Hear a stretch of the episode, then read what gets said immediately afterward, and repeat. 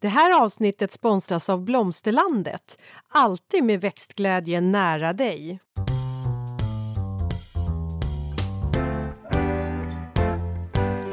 Välkommen till Ulrika och Lindas trädgårdspodd och det är jag som är Linda Kylén, trädgårdsmästare. Och det är jag som är Ulrika Levin, trädgårdsdesigner.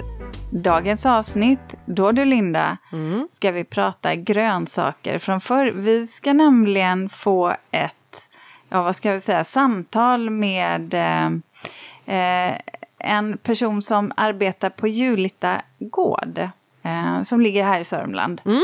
Eh, och, Granne med mig kan man ja, säga. Precis. Ja. Och då ska vi prata om äldre grönsaker. Och då, eh, vad, vad är det egentligen? Och hur ja. definierar man vad som är, vad är en äldre grönsak och vad är i så fall en modern? Ja. Så det ska bli spännande att se, för de har nämligen ett klonarkiv mm. hos sig. Ja, jag kommer ju spetsa öronen eftersom det är jag lite extra intresserad av nu när man bor i Sörmland. Om det finns några sörmländska sorter kanske. Vi har ju ett sörmländskt äppelträd här utanför Sävstaholm. Men jag tänker att vi kanske, jag kanske får lite tips på även grönsaker som är sörmländska. Ja, det är egenintresse alltså. det händer lite då och då. Ja, har du tänkt då på det? Ja. Du, men du, jag slänger över till dig då. Vad, vad har du pysslat med sen vi senast sågs? Jag har ritveckor, eh, varit på några kundbesök. Eh, så jag har varit mycket hemma mm. faktiskt. Eh, och ja, det här är ju så himla roligt. Du, jag sitter ju så här, jag sitter och jobbar så sitter jag i vårt så kallade bibliotek. Då som vi har. Mm. Sitter jag där på golvet för jag måste ladda mobil, mobilen samtidigt och, och har sladden i kontakten då. Eh, Sitter du på golvet då? Ja, för att den räcker inte till soffan och då satte jag mig på golvet. Men jag menar, jag, det är ju inget konstigt. Så gör ju barn hela tiden. Ja. Så jag sitter där och, eh, och, och, jobbar lite samtidigt, sitter och skriver och håller på med telefonen då. Eh, och så kommer min man förbi och han passerar mig väl så här typ tre gånger. Och jag ser att han går och pratar lite för sig själv men jag är väldigt fokuserad i det jag själv gör. Så jag bara reflekterar över att han ser ut som han går och letar efter någonting. Så till slut så jag bara, men älskling, vad är det? Där är du! och jag bara, skämtar du med mig? Du, jag, du har ju gått förbi här tre gånger, ser du inte att jag sitter där? Nej. Nej. Jag säger det. Det är som Nej, att... men det där är ju så här, däremot, alltså det här, nu ska inte jag... Och då var jag still Linda. Ja, då var du still. För ja. annars så brukar de ju vara så här, de, nu ska inte jag dra, men min man brukar vara så här, att när jag har eh, kommit hem med någonting och kanske något snyggt, någon fåtölj eller no någonting så här, kommit hem och kommit hem, men alltså sådär, då märker inte han det förrän dess att den står i hans stig, liksom, där han normalt rör sig. Och sticker du då ut kanske ett ben där eller liksom ett armstöd, då går han in i det och då upptäcker han ja. att det är någonting. Så du kanske skulle ha satt dig på hans så kallade stig, så hade han gått på det och då hade han upptäckt dig. ja, säkerligen. Jag kan bara konstatera det såg så himla roligt ut. Han gick verkligen och letade och småmuttrade. Liksom, vad är hon? Vad är hon? Jag bara, ja, det är nog mig han letar efter till slut. Ja, men så kan det vara. Sen kommer mm. min eh, min dotter hem eh, som bor i Linkan. Det ska bli jättemysigt. Eh, får vi en helg eh, ihop. Och sen nästa vecka, Linda, så smäller det ju. Ja, det är bara en vecka kvar nu. Ja. Innan vi ska få vara värdar för en trädgårdsweekend uppe i Tällberg. Ja, det ser jag faktiskt fram emot. Det ska bli väldigt roligt. Så det ja. håller jag faktiskt också på och har preppat ja. mycket och, till. Och vill man göra oss sällskap så jag är inte så säker, men jag tror att det kan finnas någon plats kvar. Men är, man får gå in och titta. Kolla. Kolla. Ja, ja, ja, Vi kommer ha det kul. Det kommer ja. bli inspirerande och informativt. Mm. Ja. Men du Linda, eh, det håller ju du också på att förbereda inför. Men, men eh, jag gissar att du har mer på din lyra Ja men det har jag. Du vet vad jag var, jag var faktiskt iväg på så här besöksnäringsforum. Jag börjar verkligen känna mig som en eh, Sörmlandsbo eller Eskilstunabo här nu. För att nu fick, blev jag inbjuden att stå och prata i, om vårat Åsby. Så det kändes lite ärofyllt att få fem minuter på scenen och stå och prata på det här besöksforumet. Eh, det har jag väl gjort. Och sen så har jag... Eh, eh, nu håller jag på att förbereda mig för att eh, i helgen så ska jag vara med på den här Hem och villamässan tillsammans med Jonas. Mm, det är vårt första... Alltså det, att jag är lite så här... Eh, åh, jag är lite... Oh, så här om det. Det är för att det är första gången som han och jag ska göra någonting sånt här ihop. Jag är ju annars den som alltid själv är ute och föreläser eller... Men nu är det ju mer kanske er som par. Annars Exakt. när du föreläser så är det ju i din profession, ja, eller hur? Ja. Nu är det ju faktiskt du och han mer som privat-Linda och ja. privat-Jonas. Ja, och det är också så här, när jag står själv på scen då kan jag ju ha jag blir ju inte avslöjad. Det är ju ingen som säger så här, men vänta Linda, så där stämmer ju inte, så där är ju inte du alls. För att då är det ju bara jag som står med en mikrofon och det är jag som pratar och styr.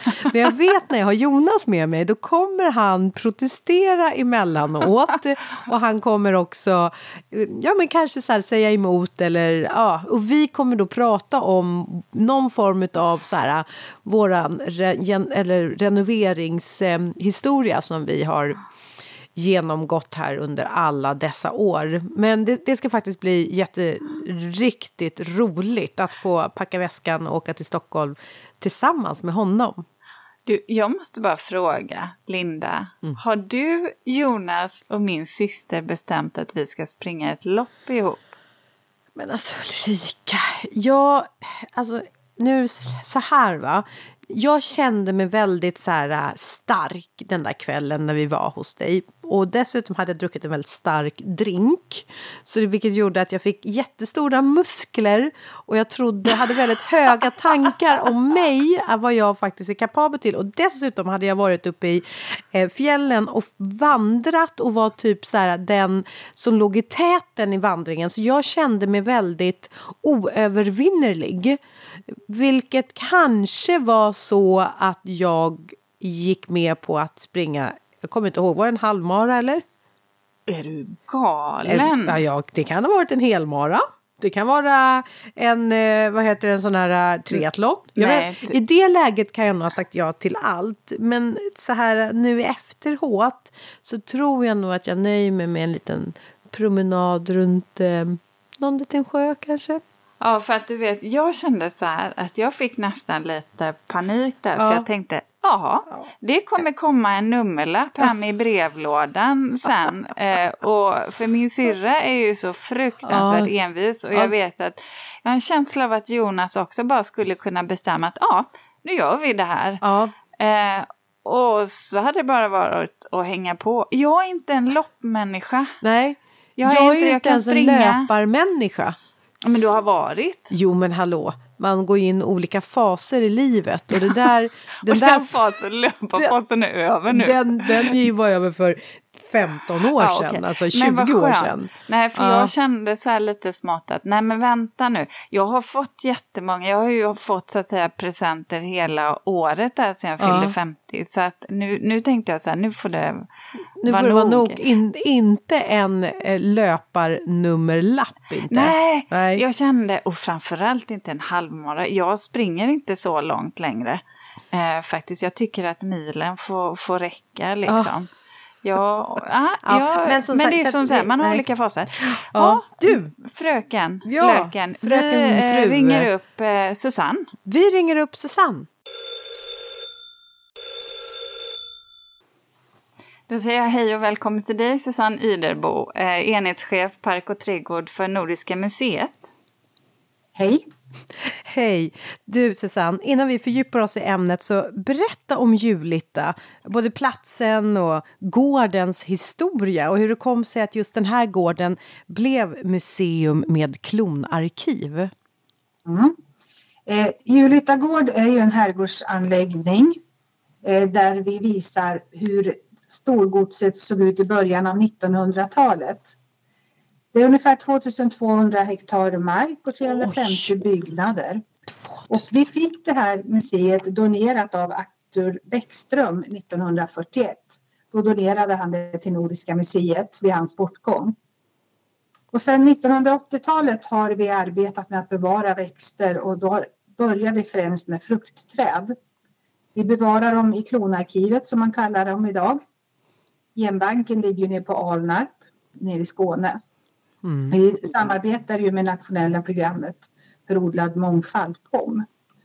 Mm. Eh, och historien när vi började med att bli ett klonarkiv, det var i slutet på 70-talet när dåvarande eh, styrelsemannen för Nordiska museet, Sune Zackrisson, började inse att fruktträd, han var ju också pomolog, att fruktträden i den här kommersialiseringen som blev då där man bara ville ha några specifika sorter, det försvann i handelsträdgårdarna var det inte så många sorter kvar längre att välja på. Och man ville ha då, i princip de bästa frukterna från träden. Då insåg man att på slott och herresäten och gårdar runt omkring och torp så finns det väldigt mycket gamla fruktträd som man började bli rädd att de helt skulle försvinna. Då bestämde Sune Zachrisson att han tillsammans med Anton Nilsson, också en känd pomolog, eh, skulle inventera framför allt först fruktträden i Sörmland för att se vad som fanns. Och sen utökade de det även så att det blev i hela Sverige. Då hittade man ett antal sorter, som man, lokalsorter som man tyckte var värda att eh, ympa upp. Och i början på 80-talet planterades de första fruktträden här på Julita. Eh, och då blev man, då kallades det ju genbank. Vi var ju en av de första genbankerna då som blev till. Sen var det ju POM som kom till eh, i början på 2000-talet, så mellan 2000 och 2010 eh, startade programmet för odlad mångfald, en inventering inte bara fruktträd utan det var ju lökar och knölar och perenner och ja, olika köksträdgårdsväxter. Rosor. Eh, som man också tittade på runt olika torp. Mm. Och då började man ju bygga upp olika klonarkiv för de här växterna runt om i Sverige. Mm. Mm. Men får jag fråga, eh, Artur Bäckström, hette han så? Ja. ja. Hade han lämnat efter sig en gård som innehöll många Eh, just fruktträd, bärbuskar, eh, också en, en köksträdgård som ni har förvaltat vidare eller började man om från nytt där i början på 80-talet? Nej, han lämnade ju efter sig, det, fanns ju fruktträd där. Eh, man tror ju att redan munkarna då på 1100-talet som var här cisterciensorden att de planterade de första fruktträden. Så vi hade ju många äldre fruktträd redan. Eh, där han lämnade över. Och eh, även köksträdgård och sådana saker var ju färdigt så det var ingenting som man började om med utan det fanns redan här på Julita då. Mm. I ja, dagens avsnitt så ska vi prata om grönsaker från förr. Eh, men då undrar vi, hur kan vi definiera vad som är en, en äldre grönsak eller en grönsak från förr? När vi definierar äldre grönsaker, då tittar vi på att de, att de ska vara odlade i Sverige framförallt före 1950 och mm. ha en väl dokumenterad historia. Eh, ja, och så man vet rötterna, var de kommer ifrån och det, det är det vi tittar på, kulturarvsväxter helt enkelt. När vi letar växter som vi vill ha i vår köksträdgård. Ja. Har ni då, har ni några, ska vi säga, så kallade moderna eh, grönsaker då, som ni tar in? Eller är ja. det verkligen bara? Strikt före 50-talet. Eh, vi försöker vara strikta före 50-talet. Eh, det är lite svårt att tänka vad är modern grönsak idag mm. kanske. Men, men eh, jag tror det är mer att grönsakerna kanske inte är moderna utan det är sort, nya moderna sorter som kommer kanske. Mm. Men vi försöker hålla oss ganska strikt till de som odlades före 1950. Mm. Jag tänkte sen om vi, om vi går in lite mer på köksträdgården som du nämner här nu. Den har ju legat eh, på samma plats vad jag förstår sedan slutet av 18 Eh, 1800-talet. Men har storleken förändrats? Har formen ändrats? Um, och jag menar, har den rent arkitektoniskt sett ut som den gör idag? Nej, det har den inte gjort. Den har ju förändrats ganska mycket. Dels har den väldigt mycket större förut. Den var nästan 200 eh, kvadrat, eller ja, 200 kvadrat ungefär. Eh, Eh, och dessutom så var det mest bänkgårdar som låg där vi har köksträdgården ligger idag. Det var ett väldigt stort bänkgårdsområde som man odlade i. Mm. Kan du berätta, bänkgårdar, är det ja. motsvarigheten till våra pallkragar i modern tid? Eh, nej, ja, både ja och nej. nej. I, det, bänkgårdar det är väl mer att de är att man hade, det var ju som en låda med eh, lock glas var det väl oftast för över dem. Eh, och de, man kunde ju ha dem som kall, kallbänkar eller varmbänkar beroende på vilken gödsel och så man la i och hur pass mycket man la runt dem och så. Eh, så att, och här tror man ju att det var mest varmbänkar man hade här på Julita. Några kallbänkar fanns det men framför allt varmbänkar. Mm. Så man kan säga det är låga pallkragar kanske med, med glasfönster ja. utöver. Ja. Mm. Och sen som, som man då tar bort när växterna, grönsakerna kommit upp. Eh, glaset, ja precis. Ja. ja. Vi var och besökte Julita i somras och var ju runt och tittade på ja, men både gick i de gamla växthusen, de som fanns kvar, och även ute på odlingen. Och eh, är ni fria att egentligen eh, designa de här rabatterna och, som ni vill och även innehållet eller har ni så att ni måste följa någonting, eh, alltså skrivet eh, dokument? Nej, det har vi inte. Vi kan designa dem som vi vill. Eh, men det, det är ju det att det ska vara kulturarvsväxter. Vi försöker också välja ekologiska fröer så långt det är möjligt och likaså försöker blomfärg. Det finns ju olika potatisar som kanske blommar med andra färger och ja, lite ovanliga sorter som bärmolla eller någonting sånt som kanske inte är så jättevanligt men som man vet äh, användes för. Mm. Brukar vi, så brukar vi tänka när vi ritar köksträdgården. Den ritas ju en gång om året. Mm, mm. mm. Men du, ja. äh, används bänkgården idag? Använder ni dem och driver upp? Nej, vi har ingen bänkgård idag. Nej. Däremot har vi ett utvecklingsprogram där tanken är att vi ska sätta tillbaks några bänkgårdar. Mm. Mm.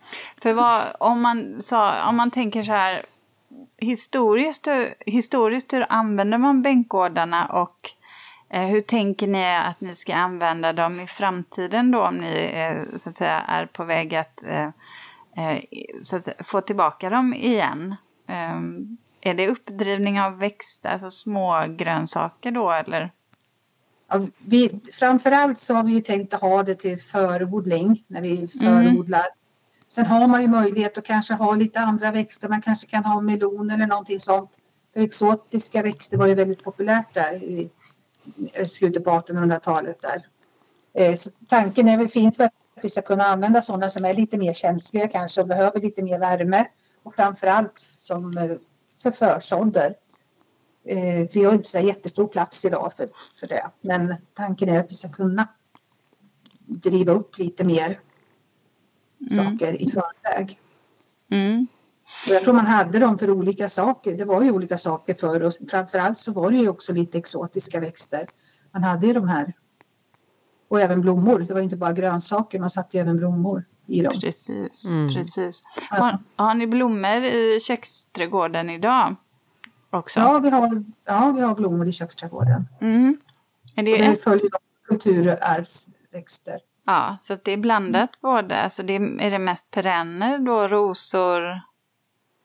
Inte i köksträdgården. Nej. Eh, där har vi mest sommarblommor. Mm. Sitter. Mm. Va? Som vi försöker blanda upp. Ja, mm. vad, om, för er, eh, om man tänker sig dels utifrån ert perspektiv på Julita men sen också om man nu eh, kanske själv eh, äger, ja, som Linda, en gård eller man är intresserad av de här äldre grönsakerna. Vilka skulle du säga är sådär eh, nästan ett måste att ha? Att de, då, då har man liksom hittat rätt Ja, kålsorter. Kålrot, kålrabbi, majrova, betor. är ju också så om man vill ha äldre sorter tror jag. Ärtor och bönor och lök. Sen ska man då blanda det med lite växter så tycker jag att luktärtor och vi har ju någonting hos oss och det är ju tobak vi har. Eh, som vi odlar tack vare att eh, Bäckströms pappa var tobaksfabrikör så vi ser till att det alltid finns tobak och luktärtor i våran köksträdgård. Mm. Skördar ni, skördar ni tobaken och gör tobak, alltså är det snus då eller? nej, det, nej det gör vi inte. Nej. Men, eh, men det, det hade går ju att göra Ja. av den. Men ni inte. använder inte er utav bladen utan, nej, nej, nej, det gör utan mera som en, en flörtning tillbaks till historien. Ja. Det, var ju, det var ju vanligt på många stora gods att man od- odlade var- just ja. tobak. Mm. Precis. Och sen tänker jag också att man det finns ju utav de här både bönor och ärtor, ja alla de här betorna kanske men framförallt bönor och ärtor finns det ju många lokala sorter idag. Om man går och tittar om man vill ha någon från, ja det finns ju landskapsärtor och det finns ju eh, lite sådana saker och de är också ofta gamla sorter. Så man, ja. Gråärt är väl också en sån. Mm. Gråärtor är också så absolut ja. Så att det, då kan man ju få tag på någon som kommer just från det stället man kanske själv bor och odlar på. Det kan faktiskt vara lite roligt eh, att ha något med en historia eller en förankring. Det, ja. Ja. Vad, vad, är, vad har ni för sorter då? Har du, så att du kan nämna några som eh, är lite tips och inspiration till våra lyssnare. Ja, eh, och om vi tänker i vårt område då så har ju vi Säfstaholms vitkål. Säfstaholm ligger ju i Vingåker, det är inte långt härifrån. Vi har ju någonting som heter Säfstaholms vitkål till exempel. Eh, Sörmländsk bönärt, den är ju nya landskapsärten som man också kan ha. Vi har ju mor Kristina, den eh, böna från Båstad också. Det finns ju många av de här gamla sorterna som man kan leta upp och ha. Som är mer lokalförankrade. Sen tror jag väl att den här eh, Lokfärre Bergfeldts jä- jätteärt Mm. Mm. är också en sån här lokal som är Hur, får man, lite speciell och lite annorlunda. hur, hur sparar ni fröer från år till år? Eller Eh, vi sparar, och vissa ärtor till exempel kan vi spara för de blandar sig ju inte Nej. så lätt med varandra som till exempel bönor. Men ärtor sparar vi, Mm. det gör vi. Mm. Annars så försöker vi byta ut dem så, ofta. Har du några sådana här egna favoriter som du tycker antingen är väldigt vackra eller som smakar gott i, och som, som har funnits med på julita länge? Eh, ja, vi har ju någonting som heter Julita gråärt. Mm. Eh, och den är en sort som är bra om man, kan, om man vill ha, göra biffar eller någonting sånt här. Så mala den här gråärten. Torka den och mala den och använda den i biffar och, och lite sånt. Eh, det är väl den som är som vi ser till att vi hela tiden har och som jag tycker är väldigt bra. Mm.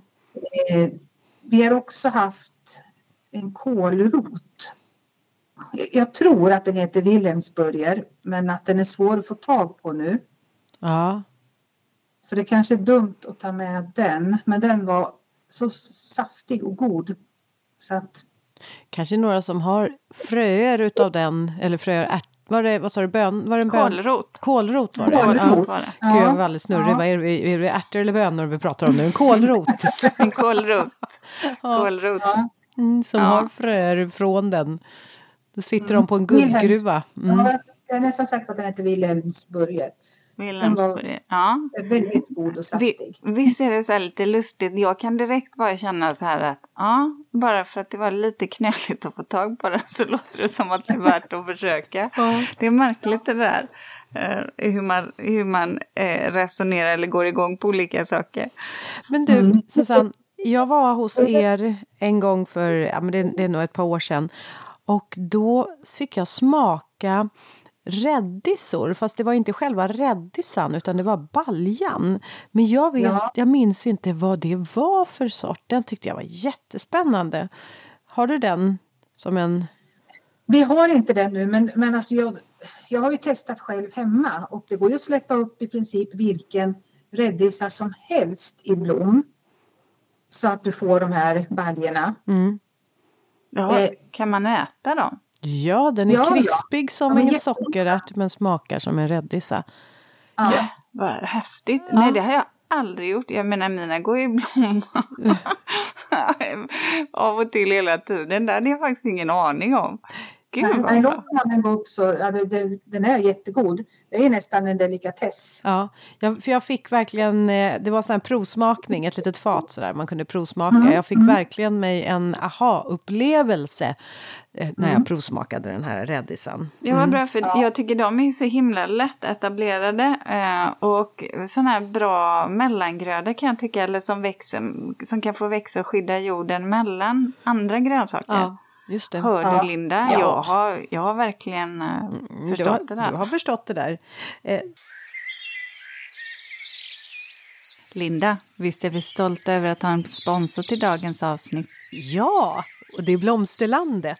En trädgårdsbutik nära dig med butiker över hela landet och en e-handel som är öppen dygnet runt. Välkommen! Du Susanne, aristokraternas grönsak. Mm. Mm. Sparris. Sparris, ja. Sparris. Mm. Ja. Kan du berätta om den? Sparrisängarna, vad, eh, för om jag har förstått det rätt så var det en, en viktig kultur för Julita som odlats. Ja. ja, man åt ju väldigt mycket sparris. Och det var ju, det var ju en eh, växt, eller vad ska man säga, en grönsak som kungar och kejsare gillar på alla sätt och vis tydligen. Eh, och det, det, det är sparrissängar så att man sätter ju att man skulle ha just sparrissängar. Det var ju för att man ville ha den vita sparrisen då. Den ansåg Mm. man ju var lite finare. Och då gjorde man ju upphöj, upphöjda bäddar för att man skulle kunna kupa så att den verkligen blev vit. Eh, var ju med, det var ju därför man gjorde sådana sängar så att säga. Mm. Eh, men det väldigt länge. Och sen var den ju också en läkeväxt på den tiden. Det var en viktig medicinalväxt. Vad, hade, vad hade den i sig som var... Eller hade, vad har den i Den, sig? den Som, ansågs att den var, eh, vad var det nu, blodrenande och eh, urindrivande mm. tror jag. Så att de vill ju helst ha den vita och då gjorde man sängar Mm. så att man kunde kupa upp den. Det är det som skiljer den vita mot den gröna. Ja, just det. Man låter den gröna växa upp bara ovanför. Har ni sparrissängarna i, idag? Eh, vi har inte dem kvar. Vi har sparris kvar men vi har inte sparrissängarna. Nej. De låg inte här direkt på Julita heller utan det var en gård i närheten som var, låg under Julita så att säga. Där fanns de här stora sängarna under den tiden. Mm. Men vi har sparris kvar men vi, har, vi gör inte så att vi kupar upp den så. Vi har ju haft den som en, en växt i våra klonarkiv men det blandar sig väldigt mycket med varandra så att det var, eh, den fick tas bort och kommer så småningom tillbaks förhoppningsvis. När man har utrett vilken sparris som är vilken. Ja. För de inte ja, blandade med varandra. Mm. Vad, vad heter sorten som ni har? Det vet, det vet ni? Jag vet inte vad den hette Nej, som vi hade då. Vi har ju ingen sort idag utan Nej. idag är det ju en blandad variant som just vi har. det. Mm. Eh, när vi var på Julita eh, här i somras eh, så har jag för mig, jag kan minnas fel eh, Linda, du får kanske korrigera mig då. Men jag har för mig att ni hade en hel del rabarber. Eh, olika sorter. Jag har för mig att Nej. ni hade grävt upp rabarberna. Var det så? Att det var på gräsmattan som ni hade haft rabarber. Ja. Men Precis, vi hade ju rabarber i klonarkivet men det var samma sak där. Att de eh, blandade sig med varandra så det var svårt att veta vilken sort det var. Så vi har inte rabarber kvar heller. Vi har ett par plantor kvar men det är också sådana som är uppblandade. Men det var ju väldigt många, en 40-tal sorter tror jag vi hade på Julita förut. Det var innan min tid men det var väldigt mycket rabarber. Eh, och då ingick de i klonarkivet. Men det gör de inte idag, Nej, tyvärr. tyvärr. Men det är också en ja. sån som man Mm. håller på att titta på och ta fram. Det gäller att hitta de gamla sorterna då runt gårdar här, för det är ju framförallt Mälardalen som vi har växter ifrån i våra klonarkiv. Mm. Jordärtskockor? Jordärtskockor har vi. Mm. Eh, vi har två sorter. Vi har Bianca och eh, fransk röd tror jag. Ja. Eh, men det är inget heller som är klonarkis men de, det är ju gammal gröda så att säga. Mm. Ja. Har Humle måste vi ju prata om också. Ja, Är det någonting som man ärvde från eh, Bäckströms eller är det något som är planterat de senaste sen i 80-talet då? Eh, det är planterat sedan 80-talet men det fanns, vi hade ju jättemycket humlestörar, 2000 på Julita förr.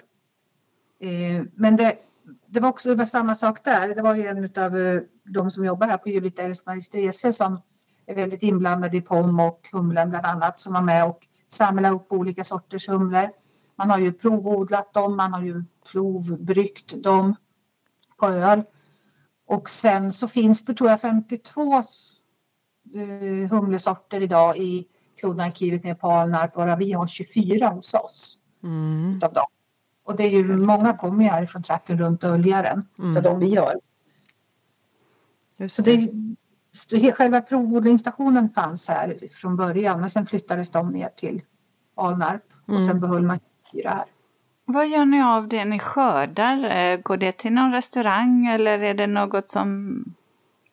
Eh, Eh, Det har varit lite både och och Mm. framförallt så skördar vi, det, är- det är ju en visningsträdgård så vi har ju inte jättestora odlingar. Men vi skördar ju och säljer när vi har olika evenemang till exempel. mm, Eh, Vi har ett värdshus här i närheten som också har fått grönsaker av oss. Frukten den mustar vi. Vi gör must och cider på. Har mm. ju väldigt mycket fruktträd.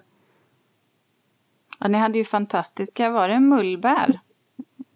Mullbär har vi också ja. Ja, Precis. de var ju jättestora och jag var lite fascinerad för jag tyckte att, eh, eh, att det ändå kändes, i varje fall när ni var där, att det var lite blåsigt. Men eh, det hade ju blivit jättestort och fint.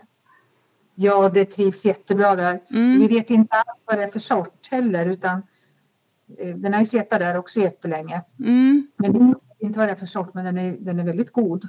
Och den trivs jättebra. Eh, Lök, har du pratat någonting om olika sorters lök, vad ni har för några hos er som är just äldre sorter? Mm, vi har ju eh, den perenna löken, piplök. Ja. Och sen har vi ju potatislöken. Eh, den vet jag kan vara ganska eftertraktad och är lite, ja folk undrar lite vad det är men potatislöken är ju, den växer ju som en, en potatis. Man sätter en lök och sen kommer det så du drar upp som en planta, då har du ju fler små lökar. Man är, funderar väl på om den kanske är, är lik eh, ungefär som schalottenlöken, att det är ungefär samma. Men det är också en sån här gammal växt. Potatislök, ja för det, det hade, jag, hade jag ingen aning om, visste inte ens vad det var för någonting. Men alltså Nej. som en, man stoppar ner den och så växer den som en potatis egentligen, typ samma växtsätt ja. och så får man upp en knippe lök sen. Ja, precis. Ja, och det, då är det, är det speciell, eh, finns det bara en sort av den eller är det någon speciell som ni har på Julita som du skulle rekommendera och som är god? Eh, Ja, vad har vi för sorter? Ja, så här, kanske omöjliga frågor, så här, verkligen detaljspecifikt. Det är väl det Ja, bara att jag jag, gillar sånt som smakar gott. Så att jag tänker man Ja. vill alltid få... Om man har så här insider-tips på någon som har testat så är det guld värt. Ja, nej, alltså. Jag kan inte säga någon specifik sort som jag tycker är bättre än den andra. Så. Får man googla sig fram helt enkelt och testa Ja. och, och prova själv låter det som. Ja, precis. Och sen fördelen med den också det är att du använder utsädet. De är väldigt hållbara att ligga i bara i rumstemperatur. Ja, bra. Jag vet att den populär, en av de populära, jag har inte provat den själv, men jag vet att det finns den här, den heter Leksand. Jag Mm. vet att vi har den hos oss, men jag kan inte säga om den skulle vara godare än de andra kanske. Men, men eh, jag Kan- vet att den här Leksand är det en del som frågar efter. Ja, kan, vi, kan man prova den då i alla fall? Ja, ja. För jag tänkte så här, Linda, det tycker jag låter jättebra. För lök är ju någonting Ja, som... ja, det, ja. Jag som har lite problem med sniglar, sånt Ja. under mark lyckas jag ju fantastiskt bra med. Mm. Så det lät lite som min grej. Din grej. Potatislök, Ja. Leksand, Ja. here I come. Precis. De är, de är ju lite små men det är inga, det är inga problem heller Nej, egentligen. verkligen inte. Mm. Du, om vi Ja. pratar utformningen utav köksträdgården. eh, Mm. Är det samma, eh, alltså är det samma liksom planritning på köksträdgården nu som eh, när köksträdgården, alltså i början på 1900-talet? Slutet på Ja, 1800-talet? vi försöker ju, vi försöker ju hålla det ungefär likadant. Vi har, vi har ju växelbruk, vi har sexårigt växelbruk. Eh, och vi försöker att det ska se ut just som det gjorde då. Det, är, det man funderar lite på idag med i historiska anläggningar det är ju eh, visa hur det såg ut historiskt kontra hur, hur vi odlar idag. Med täckodling och eh, ja, typ den biten Vad sa du nu? eh, potager om man ska Ja. blanda grönsaker och växter och så. Mm. Det är ju det man funderar på idag. Hur ska vi göra? Ska vi vara hållbara och odla som vi, som vi gör idag eller ska vi odla med raka fina rader och bar jord som man gjorde oftast i herrgårdsträdgårdar, köksträdgårdar förr.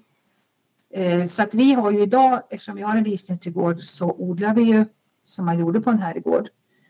Men vi försöker ju nu gå över till att åtminstone täcka och så över vintern på andra sätt med organiskt material. Mm. Men vi har inte under sommaren än så länge. Vi, planerna är väl att vi ska visa så här gjorde man förr men så här gör vi idag. För Nordiska museet satsar ju mycket på hållbarhet och så nu. Och det är väl klokt någonstans Ja. också. Mm. Ja. Ehm, Man behöver ju skydda jorden Mm. och alla organismer som är i den. Här jorden, ja precis. Ja, så att, eh, ja, det låter ju eh, vettigt. Men då har ni ju växelbruket där. Hur eh, gör ni? eh, För då jobbar ni ju inte med några gifter och sådär. Har ni några Nej. speciella knep för att ja, men, undvika skadedjur och sjukdomar? Jag tänker sniglar och sådär. Går man ut och plockar eller hur, hur hanterar ni eh, vissa av de här vanliga skadeangreppen som man lätt får?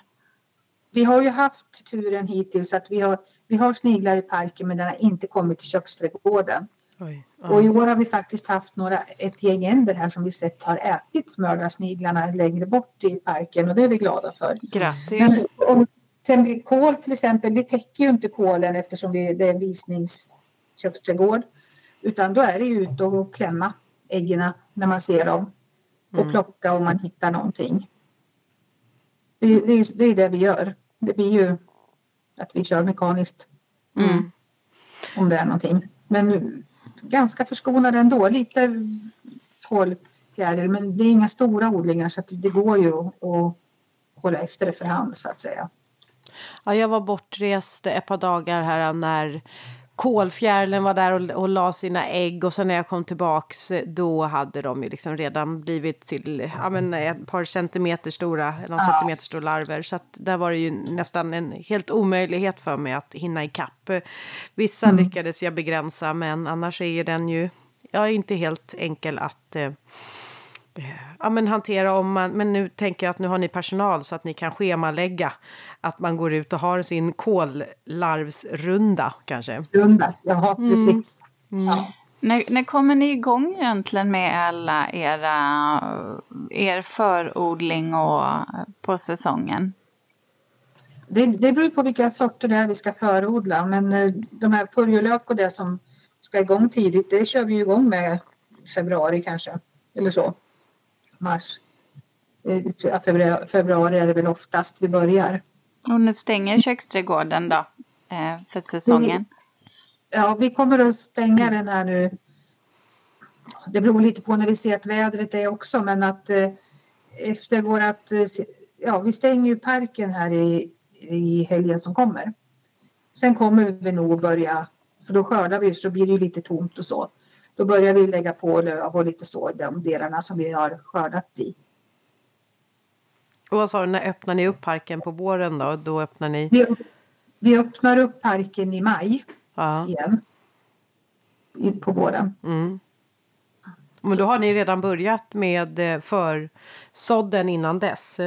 Ja, lite grann. En del som måste förslå, försås så kör vi ju först. Ja. Eh, som kronärtskocka och purjolök och lite sådana saker. Mm. Annars så har inte vi så jättestor plats att förså så att vi, vi står mycket direkt i landet också.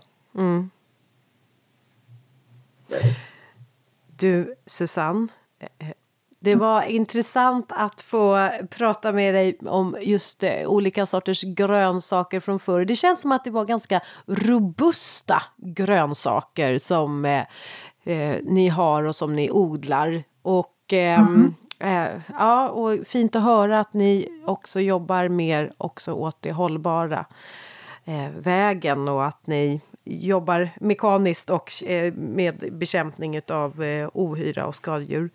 Eh, Verkligen intressant att få och, och prata med dig. Stort tack för, för det. Mm, tack. Tack själva! Hej då! Hej då! Hej. Potatislök, Linda. Ja men du, Det den lät ju var som min någonting. grej. Ja, ja, ja.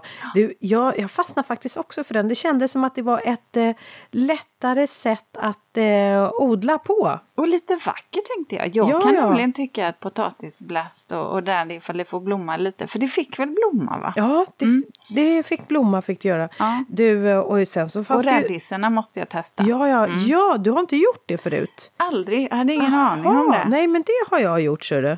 Eh, har jag testat. Men du, och sen så fanns ju faktiskt sörmländska bönan. Ja. Och sen julita ärten. Ja, Men alltså, jag fick ju faktiskt några sådana eh, lite lokala eh, sorter av ja, det grönsaker. måste du ju prova. Ja, ja, ja. Nu ska jag bara klura på hur jag ska få tag på fröerna utav dem. Ja, ring Susanne. Ja, ring Susanne! Fråga om de har några över. Ja, jag kommer men där med min. ju- om du har några fröer ju- kvar. Ja, Mm. det för det. Gud, du skulle ju faktiskt kunna odla. Du, kan, du har ju ganska bra yta så jag tänker att du kan ju ändå odla så att det blir någonting. Ja, eh, nästa år så kommer jag ju dra igång den lite mer, den, alltså den stora grönsaksodlingen. I år har det ju varit fokus på sommarblommor men nästa år så blir det fokus på grönsaker. Mm. Och då, och då kommer ju jag ha kvar sommarblommorna eller, och, och dahlior och så men det kommer eh, vara en yta för grönsaker. Så det här var väl bra. Det här var bra för mig. Ja. Det tycker jag.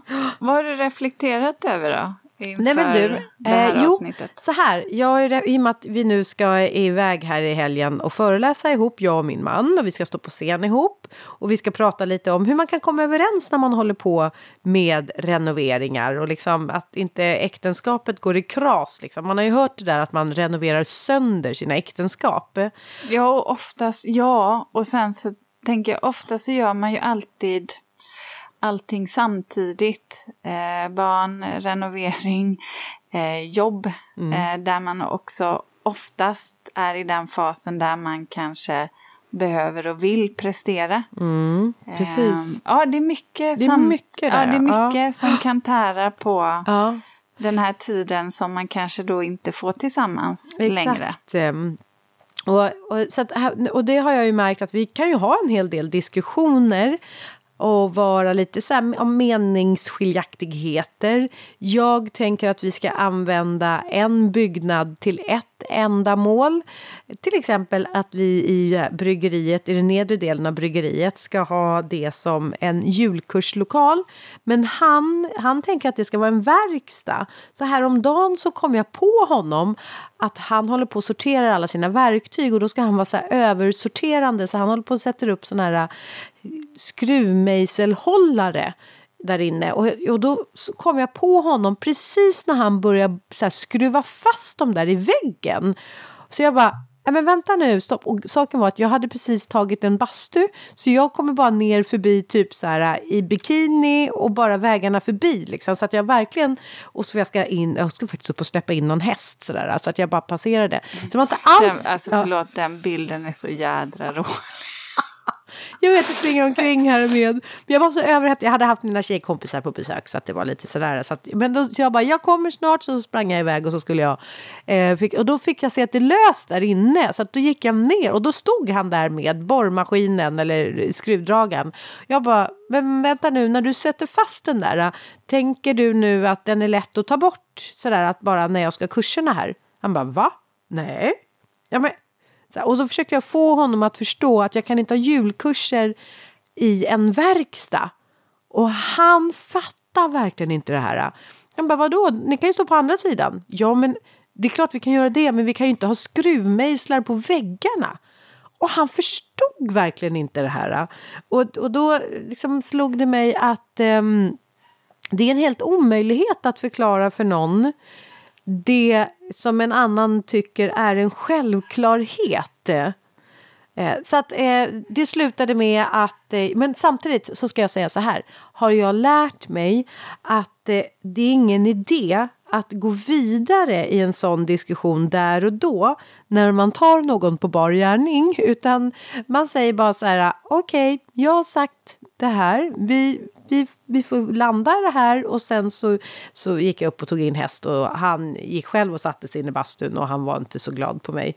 Men sen efteråt så sa vi det, nej men nu behöver vi nog faktiskt sätta oss ner och gå igenom byggnad för byggnad. Vad ska vi ha och vem ska få ha i byggnaden? Så att vi, ja, vi är ganska konstruktiva ändå, eh, har jag reflekterat över. Det är ju ganska ja, viktigt just det jag tänker på att, att kunna kunna backa. För han hade ju kunnat skruva upp allting. Ja. Bara rakt av. Bara, nu skiter jag i vad Linda säger. Du vet vad, jag har inte varit inne och dubbelkollat. Det är mycket möjligt att han har gjort det. Precis, att han gick tillbaka ja, exakt. Eh, efteråt. Ja, inte omöjligt. Nej. Ja, så är det i alla fall. Men du Ulrika, får jag höra vad du har reflekterat över? Eh, att övning ger färdighet. Eh, jag brukar ju, eller har gjort jag har ju en man som jobbar inom räddningstjänsten så att eftersom jag själv inte gör det så brukar jag ibland fråga honom, men om du kommer fram till en olycka eller någon incident, eh, vad, vad är det första du tittar på då eller vad, vad ska man göra? Um, och så där har vi väl hållit på uh, ibland för att jag tycker det är intressant just bara för att höra vad händer när det skiter sig. Mm. Uh, och så var det faktiskt här nu när jag var ute på en, um, jag var på en rådgivning. Uh, och märker att personen i fråga då börjar gå lite svajigt sådär. och vi sätter oss. Och jag ser hur hon är alldeles likblek. Hon är så här, du vet, helt kritvit i ansiktet. Och jag frågar, jag frågar, du, jag bara säger hur mår du för du är alldeles blek. Och så sa hon, jag känner mig lite tagen. Um, och sen så ser jag hur det liksom, du vet, hennes ögon. Det är ungefär som, du vet, det kopplar bort. Hon tittar men det, det, det är ingen kontakt, alltså det händer ingenting bakom. Och sen så märker hon bara i slow motion ungefär börja segna ner. Så jag fattar att hon tuppar av. Eh, så jag hinner ju precis liksom kasta mig av stolen och få tag på huvudet så att det inte drar i golvet utan att mina händer kommer under då. Eh, och smäller till. Och jag bara först så tänker jag, ja men hon, blodtrycksfall, hon har svimmat. Men sen så allt annat går ju genom huvudet sådär jättesnabbt, du vet. Hon krampar inte, inte epilepsi tänker jag då, kan man ta bort? Är det någonting annat? Jag försöker så här, klappa, hallå, du vet, eh, få henne att vakna. Hon vaknar inte. Och då känner jag till slut, hon andas. Och så tänker jag att nej, men nu måste jag ringa. Om, hon inte, om jag inte får liv i henne så, så måste jag ju eh, ringa eh, och bara ha koll på henne, lägga henne i rätt läge. Och då får hon så här, hon blir alldeles illröd i hela liksom halsen, ansiktet så här. Och då fick jag så här, fasen är det stroke? Det hände nämligen min farmor, att hon mm. blev så här väldigt röd. Um, men sen vaknar hon, eh, tack och lov. Och, eh, ja, och du vet, då direkt där då när man får kontakt med henne så är det så här, är hon klar? Ja, det var hon. Hon pratade, hon fick ligga kvar. Upp med benen så att här i högläge och så får hon ligga där så jag hinner se. Men hur ser pupillerna ut? Kan hon liksom se ansiktena bra? Alltså ansiktshalvorna rör sig i ansiktet. Kan hon le lite? Du vet sådana där saker Mm, så att det inte bara är en stroke eller någonting.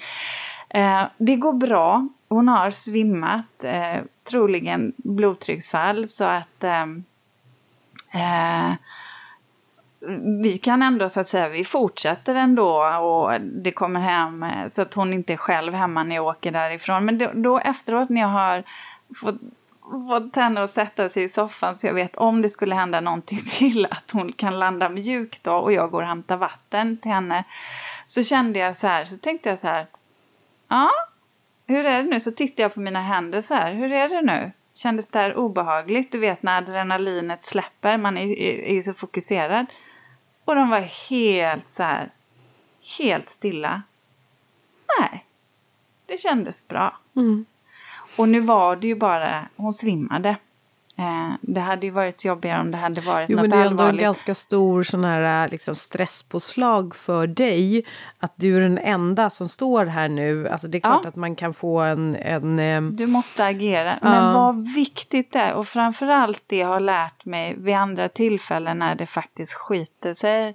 Hur viktigt det är att bibehålla lugnet Mm. för att kunna agera och inte bara reagera utan att faktiskt fundera på vad händer, vad ser jag och sedan så att säga tänka på det finns ju hjälp att, få Mm. eh, med telefonen. Men eh, det var skönt att hon kom tillbaka eh, ändå hyfsat snabbt. Ja, så kan det gå. Puh, så det är inte bara en eh, rådgivning, det är även en nej, eh, första en hjälpen. första hjälpen. På flera sätt är du ute och ger första hjälpen alltså, både till Ja. trädgård och trädgårdsägare. Ja, ja. Nej, men det Ja. har hänt fler sådana där grejer så att eh, det... Eh, Och jag har varit med om en hel del Ja, jag sånt kan när jag var också, flygvärdinna ja. också. Man är ju Men- ganska utsatt. man lär sig att det, vad viktigt det är att bara Mm. så att säga andas lugnt. Eh, och jag kan känna att jag stänger lite av. Känslomässigt så blir det så att jag stänger av det. Mm. Och snarare som att man... Ja, jag kan känna att jag mer blir betraktande. Mm. Än att jag är i, i skeendet känslomässigt. Ja, precis. Ehm, Men det är nog ett sätt för att man ska kunna agera och inte liksom bli rädd eller liksom... mm, och se, se liksom sätta ihop helheten också. Ja, ja. ja bra Ja. gjort Ulrika. Ja, Mm. och det gick bra. Gick bra. Mm. Ja. Absolut. Ja, gud ja. ja. Men du, eh, Mm. eh, nästa gång... Nej, vi, vi hinner eh, ett avsnitt till innan vi ses i Tällberg. Avsnitt innan vi ses i Tällberg. Ja, Ja. okej. Ha det gott så hörs vi nästa lyssnar. vecka. Hej! Hej då! Ja. Nu du. Jag tänkte att vi skulle hjälpas åt här, eh, eller bara så här, vi ska marknadsföra det här